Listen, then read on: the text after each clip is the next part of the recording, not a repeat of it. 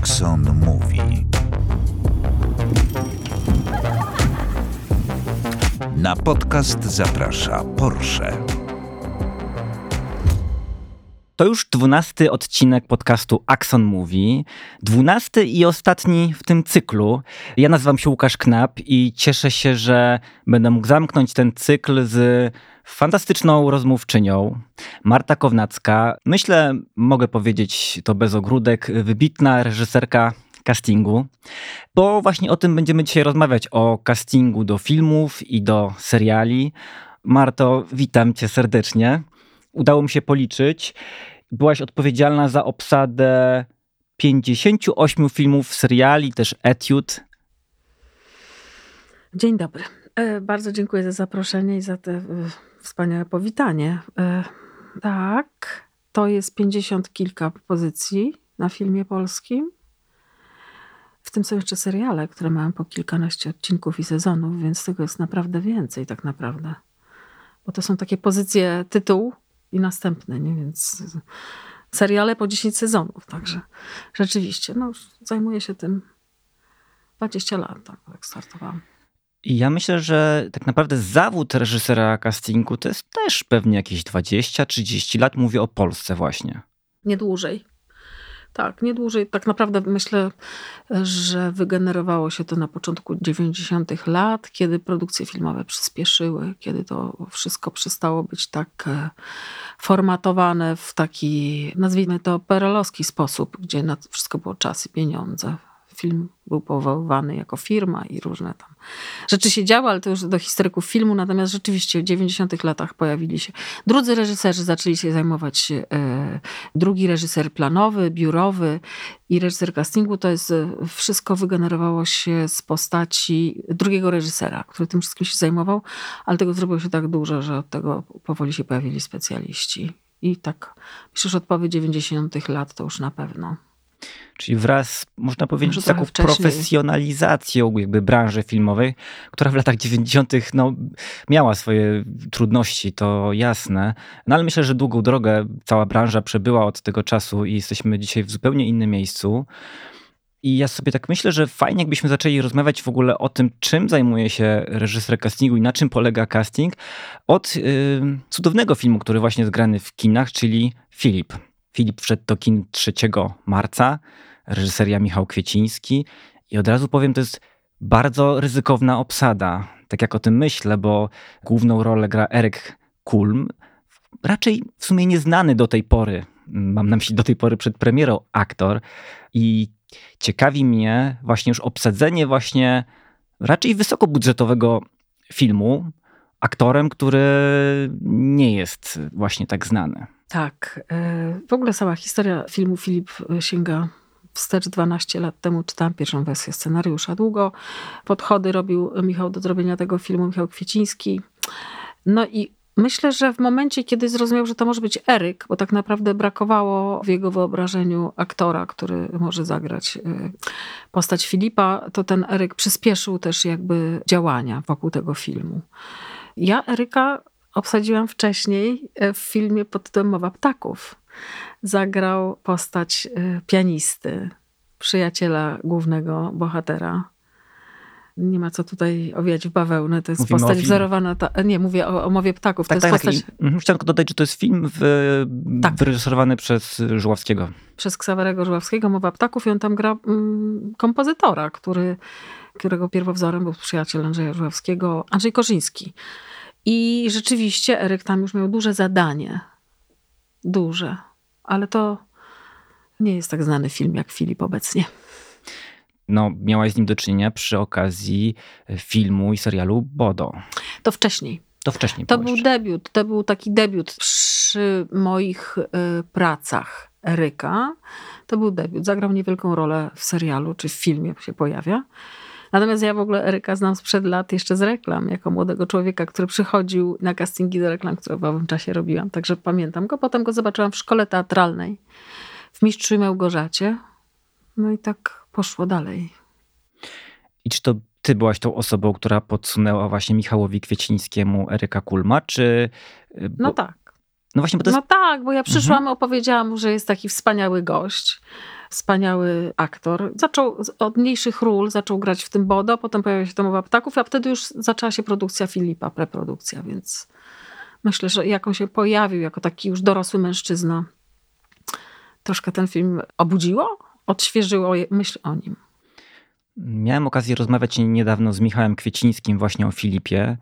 No i oczywiście podpytywałem go o to, dlaczego Eryk Kulm i on jakoś tak ciągle mówił, że no to po prostu musiał być ten aktor. W sensie, że nie wyobrażał sobie nikogo innego, no ale wciąż dopytywałem, no ale dlaczego on? I Michał Kwieciński się odwoływał do duszy Eryka Kulma, a ja myślę, że w tym jednak musi być też coś takiego może bardziej namacalnego. Więc jestem ciekawy, co ciebie skłoniło do pomyślenia o tym, że w tej roli świetnie sprawdziłby się Eryk Kulm właśnie?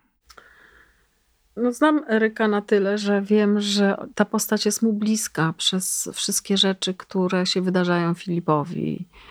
Myślę, że kinematografia wymaga też po prostu bardzo takich wyraźnych twarzy, którą ma Eryk, e, atrakcyjnych ludzi po prostu. To jest wartość dodana zawsze, więc jakoś tak wydawało nam się, że, że to wszystko pasuje po prostu.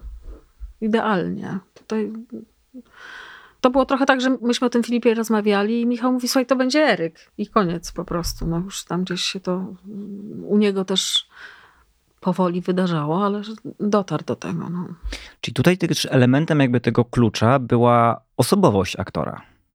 Na pewno, natomiast Eryk włożył ogromną pracę w powstawanie tej roli. Gigantyczne, y, poświęcił godziny, miesiące pracy, nauczył się niemieckiego, wielu rzeczy. Y, no po prostu półtora roku jest to, przyznam się, no, rola, która powstała dzięki temu, że miał na to czas, że reżyser i producent e, Michał Kwieciński zdecydował się po prostu tak bardzo tą rolę razem z nim budować, że to nie jest przechodzenie z filmu do filmu, ani jakiś taki system, że nawet w trakcie są dwie produkcje, tylko po prostu on był skoncentrowany na tym i tylko to miał robić i dlatego mamy taki efekt. To jest jedna z najważniejszych rzeczy, to się rzadko zdarza u nas w Polsce.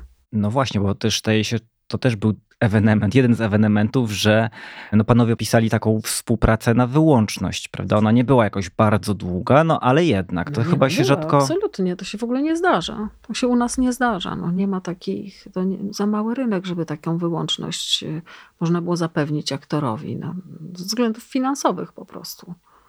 No właśnie, miałem okazję też niedawno rozmawiać z takim no już nie takim młodym reżyserem, e, ale bardzo zdolnym, który właśnie mówił, że w ogóle w tym momencie na rynku e, w Polsce jest generalnie duży problem z dostępnością aktorów. W tym sensie, że mamy teraz też platformę, seriale jednak wymagają też większej dostępności od aktorów. Dają też pewnie atrakcyjne warunki finansowe, więc możesz to potwierdzić, że w tym momencie no, jest trudno z dostępnością dobrych aktorów? Bardzo trudno. Dobrze jest po prostu odpowiednio wcześniej zacząć ten e, zdjęcia próbne, casting, e, żeby móc po prostu z kimś e, się umówić na dany termin. I kto pierwszy wejdzie, to po prostu jest, pracuje z tym wybranym aktorem. Bardzo dobrych aktorów w Polsce nie jest tak bardzo dużo. Jest bardzo dużo świetnych aktorów, ludzi, ale takich, których ludzie chcą oglądać w rolach pierwszoplanowych, to nie jest tak łatwo. Podjęcie tej decyzji, tym bardziej, że wejście na pierwszoplanową rolę kogoś nowego jest zawsze łączone z wielkim wysiłkiem wyobraźni producenta, reżysera, no i naszym reżyserów castingu. I trudno jest po prostu kogoś y, tak nieznanego włożyć do głównej roli. Jednak myślę, że Michał Kwieciński oglądał tą mowę ptaków. Pewnie tak. Ale rzeczywiście też ja sobie myślę, że niewielu jest e, reżyserów, którzy też podejmują to ryzyko obsadzenia w głównej roli osoby raczej nieznanej.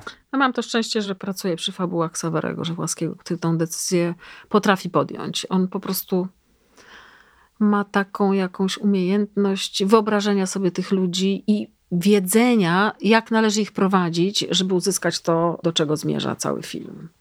Tak było przy Apokawiksie, gdzie te dzieci po prostu niektóre były pierwszy raz na ekranie. Ale też są tam dojrzali aktorzy po szkole.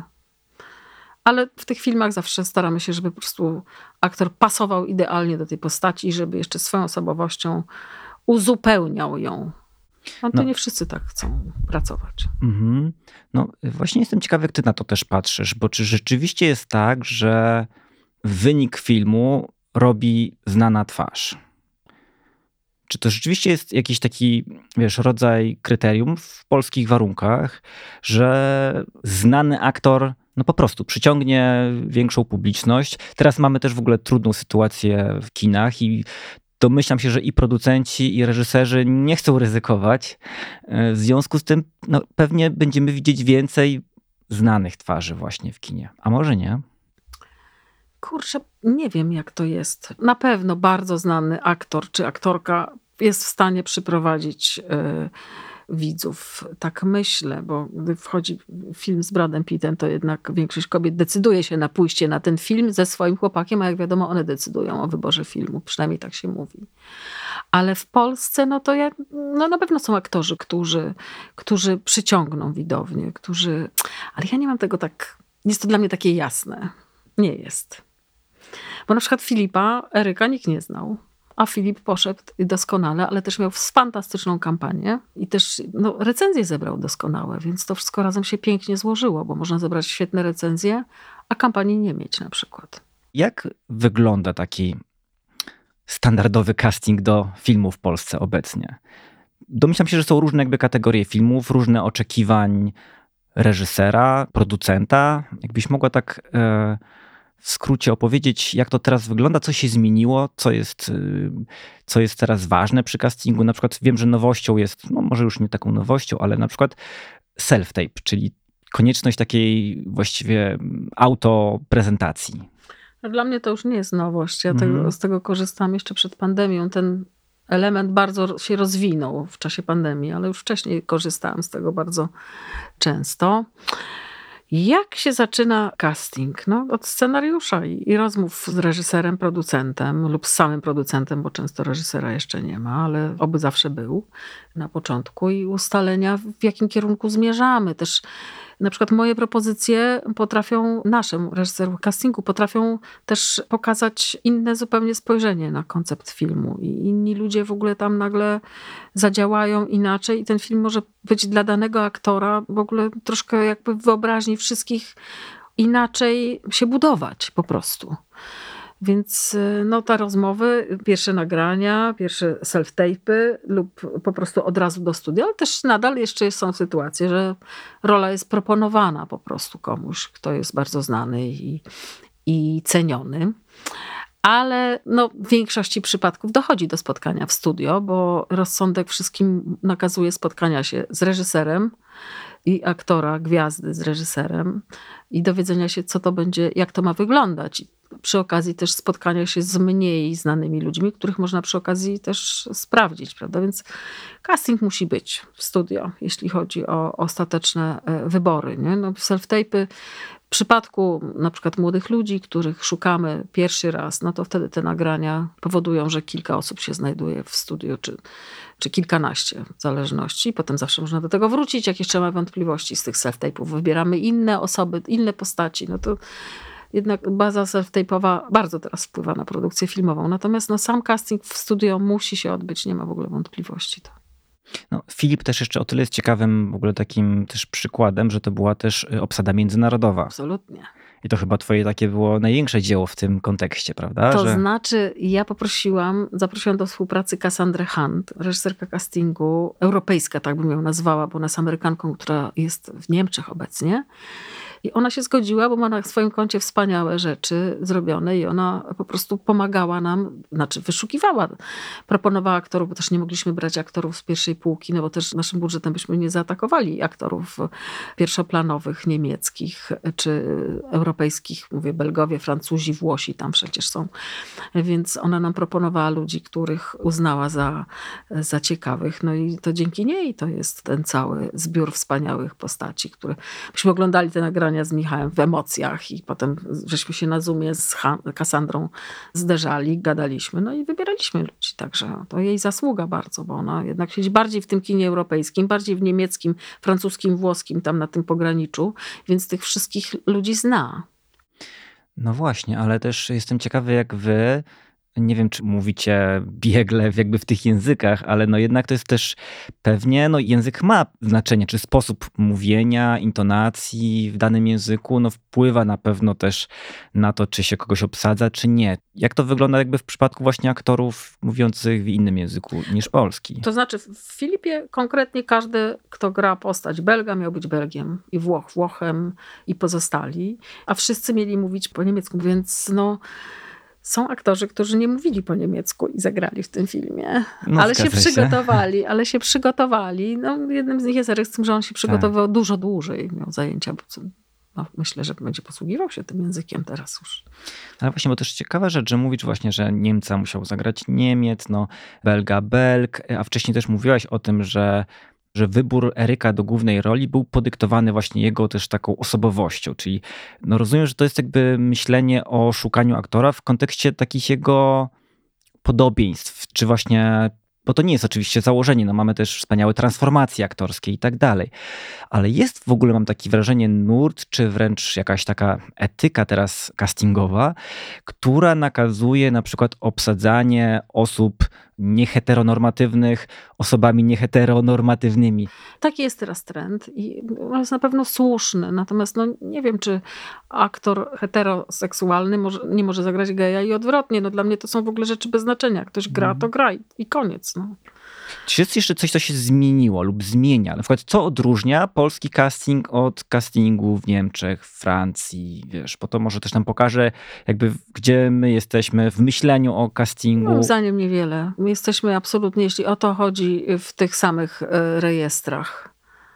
Nie widzę różnicy. Prędzej znajdę z amerykańskim, że nie trzeba się nauczyć tekstu. Można z kartką papieru grać i to w ogóle jest e, tam przyjęte, że nikt nie musi nauczyć się tych scen na pamięć. U nas natomiast to, no tak są przyzwyczajeni reżyserzy.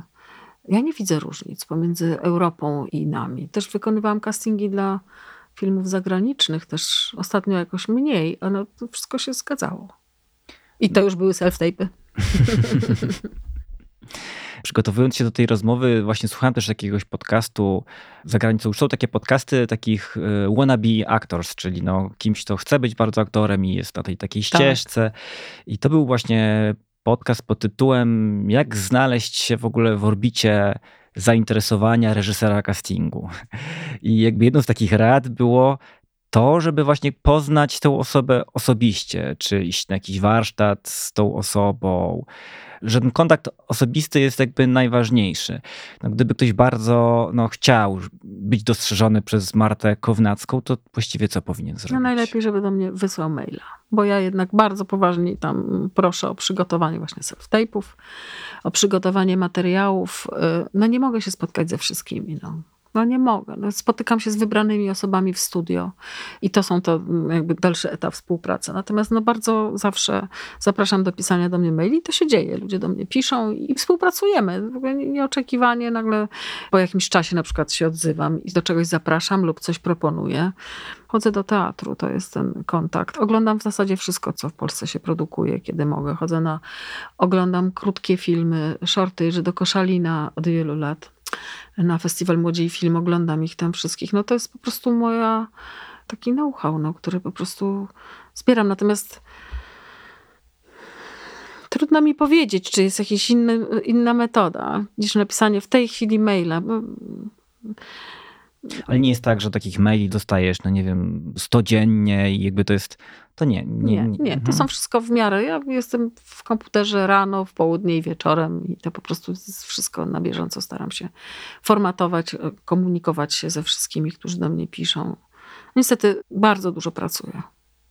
Za dużo, jak słyszę. W sensie, żeby zrobić film, trzeba się mhm. naprawdę napracować, żeby obsadzić film, żeby zaproponować taką obsadę, która w całości zgadza się z konceptem reżysera, ale też w całości do siebie pasuje, że pomiędzy sobą ci ludzie są w danym w danej atmosferze czy stylu, że ci ludzie mają, że widać, że są z tego samego świata po prostu. To, to nie jest takie proste. Tutaj chyba dochodzimy do takiego też właśnie momentu tej rozmowy, w którym myślę, że warto wprowadzić słowo chemia. Bo to, o czym mówisz, w sensie, że no nie wiem, że aktorzy się dogadują, że, że obecność ich wspólna na ekranie sprawia widzom potem jakąś przyjemność. No jest to chyba no, bardzo duża trudność, żeby właśnie znaleźć to coś, co łączy aktorów. A jak to razem zagrają ci państwo? To jest po prostu tak. No, i, no tak, no wiadomo, że e, para jest jakby taką podstawową grupą na ekranie. No i tutaj te, trwają poszukiwania. No, mamy na przykład dziewczynę, szukamy do niej chłopaka dosyć długo.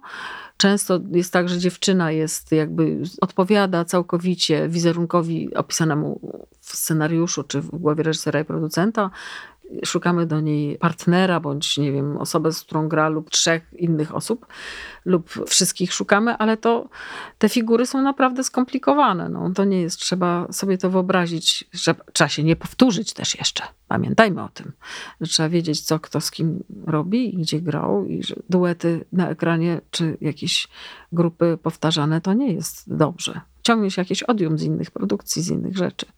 Więc to jest taka dosyć duża wiedza na temat bieżąca tego, co się wydarza i, i na przykład kto jest na dobrej drodze pochyłej do góry, na przykład, nie? komu dobrze idzie i kto się sprawdza.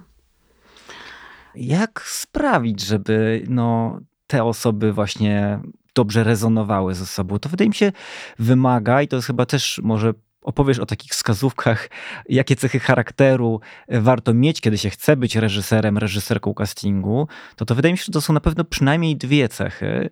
Jedna to jest e, pamięć do twarzy, a to dwa też taka no właśnie intuicja i wyobraźnia. Myślę, że intuicja i myślę, że co nas różni w ogóle, to jest gust to jest gust, jak widzimy danego bohatera, nie? Albo nam się ktoś taki podoba, albo ktoś taki, nie? I to jest po prostu mój gust w tych filmach wszystkich. Też y, jednak określone czasy trzeba zwiedzić, pooglądać rzeczy na ten temat, zobaczyć, jak ludzie wyglądali. No, ludzie po II wojnie światowej nie wyglądali tak jak teraz. Nie ma w ogóle takich ludzi. To w ogóle jest inny typ. Coś takiego, ta wojna odcisnęła na twarzach ludzi po wojnie i wojennych, że to są wszystko ludzie o bardzo charakterystycznym obrazku, wizerunku. To ja nie mogę się doczekać y, teraz filmu Zachor. Mhm. Nie mogę się doczekać zobaczyć, jak y, nowa realizacja takiego filmu, jak to teraz się odnajduje w dzisiejszej rzeczywistości. No tak jak mieliśmy lalkę Hasa, lalkę Bera, y, no to one się różniły. Tam były inne czasy w tych filmach, to było, w tych serialach. To było świetne. No tak, myślę, że w tym znachorze też się odbiją nasze czasy Nie siłą rzeczy. Tak jak zaczął Filipie, prawda? No to na jakimś poziomie jest współczesny film. Znaczy ta nerwica aktora, ten jego też właśnie, ta cielesność jego, no można powiedzieć, Inna że, wojna, że to są obsesje współczesności w kostiumie właśnie, wiesz, Ale też wydaje mi się, że tak dopuszcza się już teraz po prostu tak zwyczajnie człowieka, który w czasie wojny, ona jest, no teraz jest wokół nas też wojna i ludzie żyją. Żyją, normalnie żyją. Ja kiedyś robiłam taki film Michała Rogalskiego, Letnie Przesilenie, którym właśnie on pokazał bardzo inny świat. Po prostu tam ktoś słuchał muzyki, ktoś się spotykał z, z wrogiem, no jakieś takie rzeczy. I to było takie naturalne. Kiedy był ten moment, kiedy uznałaś, że no właśnie masz nosa, do twarzy, do aktorów i że mogłabyś w ogóle to robić, że chciałabyś to robić. Nie uznałam tego nigdy, właśnie chyba nie mam takiego przeświadczenia. Nie? Za każdym razem jest, spotykasz się z reżyserem, siadasz naprzeciwko niego i no, różne rzeczy mi przychodzą wtedy do głowy. Jak wygląda jego żona? Na przykład. To jest taki dowcip już. Co będzie mu odpowiadać, bo też to nie do końca jest moja propozycja, ale też staram mhm. się uderzyć, spotkać się z tym gustem reżysera, co jest bardzo, bardzo trudne. Jak się rozpoznamy, zaczniemy mówić tym samym językiem, no to współpraca na pewno będzie dużo lepsza i utrafimy w ten gust. Ale właśnie, bo też mówisz o swoim guście. Jest gust reżysera, więc rozumiem, że jakoś wy się musicie spotkać, tak? Tak. Musimy Bo... się spotkać. Ja rezygnuję ze swojego czasem po to, żeby dostosować do jego oczekiwań. Ale nie rezygnuję z tego, żeby ktoś, kto gra, grał uczciwie i jak trzeba, no po prostu. Jeżeli ktoś fałszuje, no to.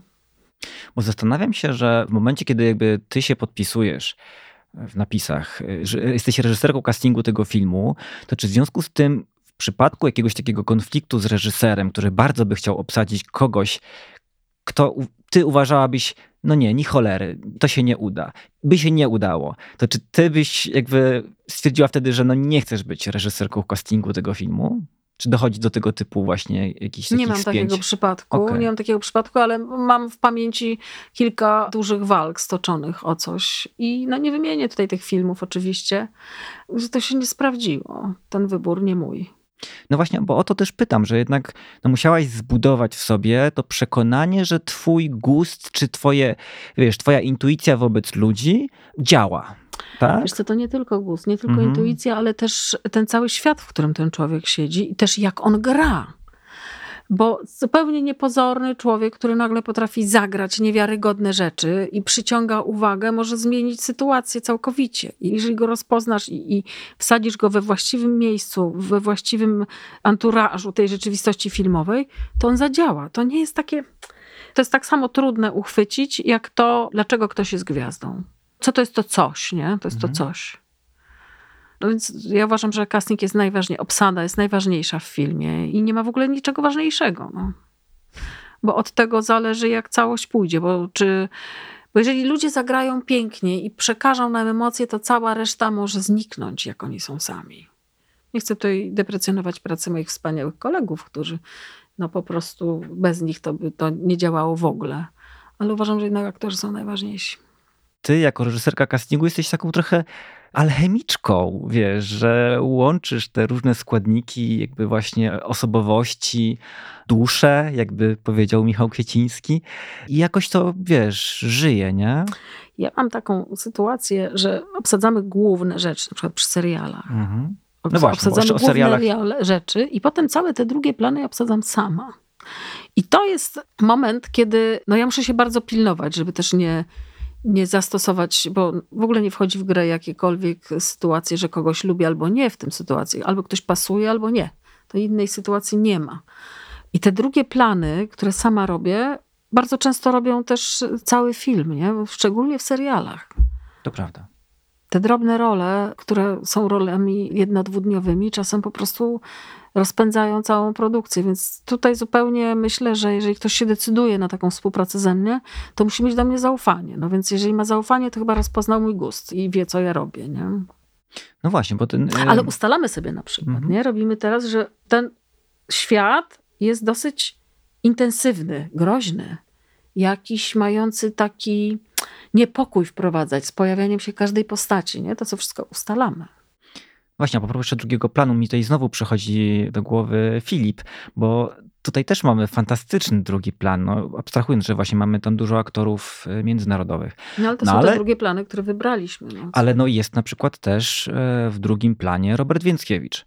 I jakby tu mnie ciekawi w ogóle na, jak to też wygląda w kontekście w ogóle obsadzania jednak no właśnie takich... Wspaniale zagrał tam. I wspaniale zagrał. Wspaniale zagrał. Świetnie, tak, tak. Więc mnie zastanawia, wiesz... Yy... Wspaniała postać w ogóle, tak czy te aktorzy takiego wielkiego formatu jak Robert Więckiewicz, czy oni się chętnie zgadzają na takie drugie plany? W sensie, czy muszą mieć jakby jakąś, no właśnie, to, to mnie ciekawiło. Ja myślę, jak... że jeżeli pojawia się coś naprawdę atrakcyjnego, to chętnie. Natomiast byle nie byłoby tak, że cały czas dostają tylko drugie plany. Muszą tego sami pilnować, ich agenci pilnują i to się, tak się dzieje. No, jeżeli ktoś przychodzi, fajny reżyser z, z propozycją, która no, możesz przeprowadzić całą postać, cały rozwój, cały ten łuk, wszystko tam się wydarza. I jeszcze na dodatek chwytasz za serce i zostajesz zapamiętany, no to wspaniale. No, są aktorzy światowego kalibru, którzy uwielbiają grać drugie plany, małe. Brad Pitt też. Również. Słyszę, że Brad Pitt jakoś Nie, tak jest... żartuję, żartuję sobie. Teraz mamy nowe gwiazdy. Pedro Pascal na przykład, o. prawda? Albo jakichś innych młodszych y, aktorów. O aktorkach też możemy rozmawiać. Wspaniała postać dla mnie wnuczki Presleya. A, choćby, tak. Ach, tak, rośnie tak, gwiazda w Ameryce wielka, jestem o tym przekonana. W Polsce też pojawiło się kilka takich osób w ostatnich no, paru latach. No, raz mamy Marysię Dębską, którą zresztą no, można powiedzieć, że odkryłaś, w sensie czy no, no w filmie, który obsadzałam, tak. Tak, tak. Pojawiła no, się też... grała dużo więcej wcześniej przecież. No tak, no ale to jednak była taka kluczowa rola dla niej. Mamy Sandrę Drzymalską na przykład, która teraz też jest wszędzie. Też mnie ciekawi fenomen Sandry Drzymalskiej. Jak ty to widzisz? Dlaczego właśnie ona? No jest fascynującą aktorką, o wielkim talencie po prostu. Skupia światło na sobie i koniec. To jest jakby ten taki element. Bardzo jej e, sekunduje i Marysi i jej, żeby te rzeczy, które chciały, do nich przychodziły. Mamy nie dość na pewno nagród dla reżyserów i reżyserek castingu. Wiem, że wy jako osoby pracujące jakby w tym zawodzie walczycie o obecność, o, o rozpoznawalność waszą, bo tak jak mówisz, ja się z tym zgadzam, że casting naprawdę jest bardzo ważną, jeśli nie jedną z najważniejszych rzeczy w filmie, a jednak no myślę, że jakby tak wiesz, że wciąż przeciętny widz nie rozumie. Myślę, że, że jest ktoś taki jak reżyser castingu, że tak ważną właśnie funkcję wykonuje. Więc to jest. No, jesteśmy cały czas tym nowym zawodem. Padamy tego ofiarami. E, nie mamy tantiem. Nie jesteśmy uznani przez e, ZAPę jako zawód twórczy. W ustawie o zawodach twórczych nie ma nas, znaczy tej ustawy nie ma jeszcze, więc no, czekamy, co będzie. No nie jest to łatwe. Nie jest to łatwe. Sukcesem jest na pewno to, że na festiwalu polskich filmów fabularnych w Gdyni już mamy nagrodę właśnie za najlepszy casting. Wiem, że nie mamy tej nagrody jeszcze, jeśli chodzi o nagrodę Orzeł. Wiem, że składaliście wniosek y, dwa lata temu chyba już y, no tak, jeszcze. W tym roku nie było nadal. I nic się w tej mm. sprawie nie zmieniło. Masz... No nic nie wiem na ten temat, mhm. żeby jakieś ruchy były wykonane. Znaczy, przyznam się, że mnie krępuje mówienie o tym wszystkim, bo to jest po prostu dla mnie niewiarygodne, że, że industry, y, że mm, musimy się dopo upominać mm -hmm. o nagrody. Że musimy się o nie upominać. To jest w ogóle niesamowite. BAFTA ma od wielu lat nagrodę. Nie ma Oscara, to prawda, ale tam jest podobna sytuacja co tutaj. To jest analogiczne. No to jest jakieś ogromne niedopatrzenie. Czy... No muszą pokolenia, może dożyje. Wiesz, no mamy też wiele różnych zawodów, które nie są doceniane, ale które wykonują właśnie fantastyczną pracę. No i prosi się o to, żeby rzeczywiście docenić tych twórców, żeby pokazać też, że naprawdę film jest dziełem masy ludzi. Jak się kiedy... Kilkadziesiąt osób, tak. powyżej pięćdziesięciu, mówiąc kilkadziesiąt, to jest plan tak. po prostu codzienny. Tak, tak. Do 70 osób. A no. wciąż jakieś takie pokutuje przekonanie, że to właściwie no, tylko reżyser no, jest odpowiedzialny za ten efekt. No tak no, nie jest, no, no. No, no. nie jest. No, pan Andrzej Wajda mówił, że film jest pracą zbiorową. No i, i tak trzymajmy się tego. No.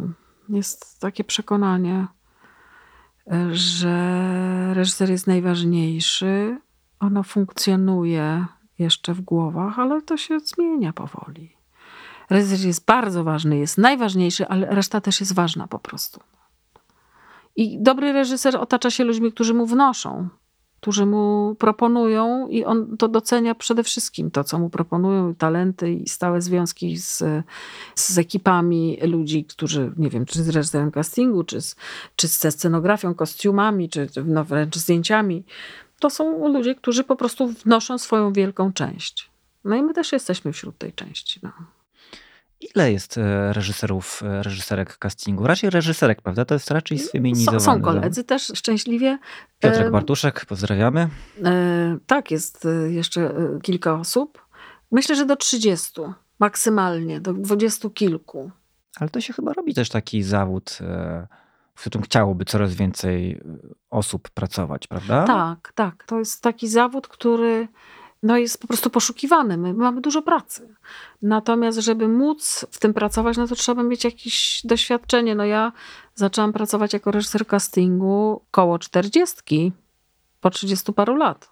Już tam coś trzeba wiedzieć, trzeba mieć naoglądane filmów polskich przede wszystkim. Trzeba umieć nazwać te postaci. Te takie polskie archetypy, nie? To trzeba to wszystko znać, no więc trzeba oglądać. No trzeba znać kino po prostu jako takie. To myślę, że w ogóle wiesz, no nie ma żadnej szkoły, żadnych wykształconych. Teraz Gildia Reżyserów Obsady powstała. Polska Gildia Reżyserów Obsady. I planujemy robić jakieś y, rzeczy rozwojowe dla młodych. Natomiast no, taka ścieżka najprostsza to jest asystent. Na szczęście zostaliśmy docenieni w szkołach teatralnych w tej chwili. Wszystkie szkoły otworzyły swoje drzwi, dla nas mamy zajęcia regularnie z młodzieżą, szczególnie aktorską, co jest po prostu i dla nich doskonale, i dla nas po prostu nie ma lepszej sytuacji, że jakby poznajemy ich, mamy, pra- mamy szansę ich nauczyć, jak wchodzi się w zawód. Do tej pory to była czarna magia. Ja mam drugi rok zajęcia w tej chwili w Łodzi. Jak wyglądają takie zajęcia? Czego ty znaczy, fantastycznie uczysz? to wymyśliła y, szkoła, że jest nas kilka w semestrze, że przychodzimy na miesiąc. Miesiąc, tam pięć czy ileś tych y, dni w miesiącu. spotykamy się od podstawowych rzeczy. Podstawowe, że ja swoje zajęcia nazywam relacje ze światem zewnętrznym po szkole. To jest podstawowe rzeczy. Proszę mi wierzyć, że naprawdę podstawowe. Od tego, jak się komunikować, jak pracować, jak się przygotowywać, żeby dbać o siebie, po to, jak się zachowywać na castingu, jak dbać o siebie na castingu i jak pilnować, żeby wypaść na nim dobrze. Od prostej rzeczy, że trzeba się wyspać, do tego, żeby umieć odnaleźć to światło, tak jak każdy aktor filmowy potrafi, żeby stanąć dobrze, żeby, żeby umieć zapytać, żeby się nie bać, żeby mieć kontakt z ludźmi. To ja po prostu oswajam im tą przyszłość w jakiś sposób. Właśnie y, wydaje mi się, że dochodzimy do ciekawego takiego punktu finalnego, w którym ja myślę właśnie, że możemy powiedzieć, że reżyser, reżyserka castingu jest twórcą lub współtwórcą. Bardzo I że jest to zawód twórczy. E, dziękuję Ci za te słowa, bo na tym nam przede wszystkim reżyserom obsady zależy, żeby tak nas traktowano. Marto, bardzo Ci dziękuję i dziękujemy Państwu serdecznie. Dziękuję bardzo za zaproszenie i za spotkanie. Partnerem podcastu jest Porsche.